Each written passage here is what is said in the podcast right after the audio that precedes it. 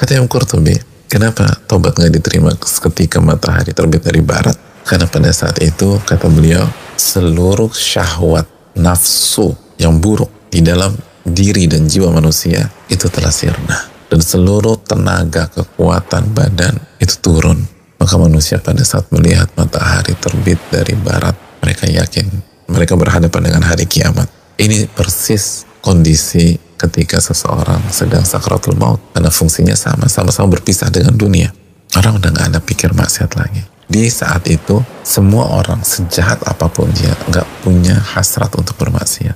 Dan di kondisi itu taubat nggak diterima. Berarti Allah ingin kita bertobat di saat pendorong maksiat kita masih bercokol di dalam hati kita. Lalu kita lawan dan kita kalahkan. Itu yang Allah minta dari kita. Terbukti begitu faktor pendorong maksiat itu sudah nggak ada, taubat sudah ditutup.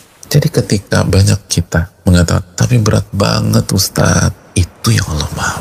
Karena begitu Anda lakukan dengan ringan. Kenapa? Karena pendorong maksiat hawa nafsu kita sudah hilang, justru pada saat itu tobat gak diterima.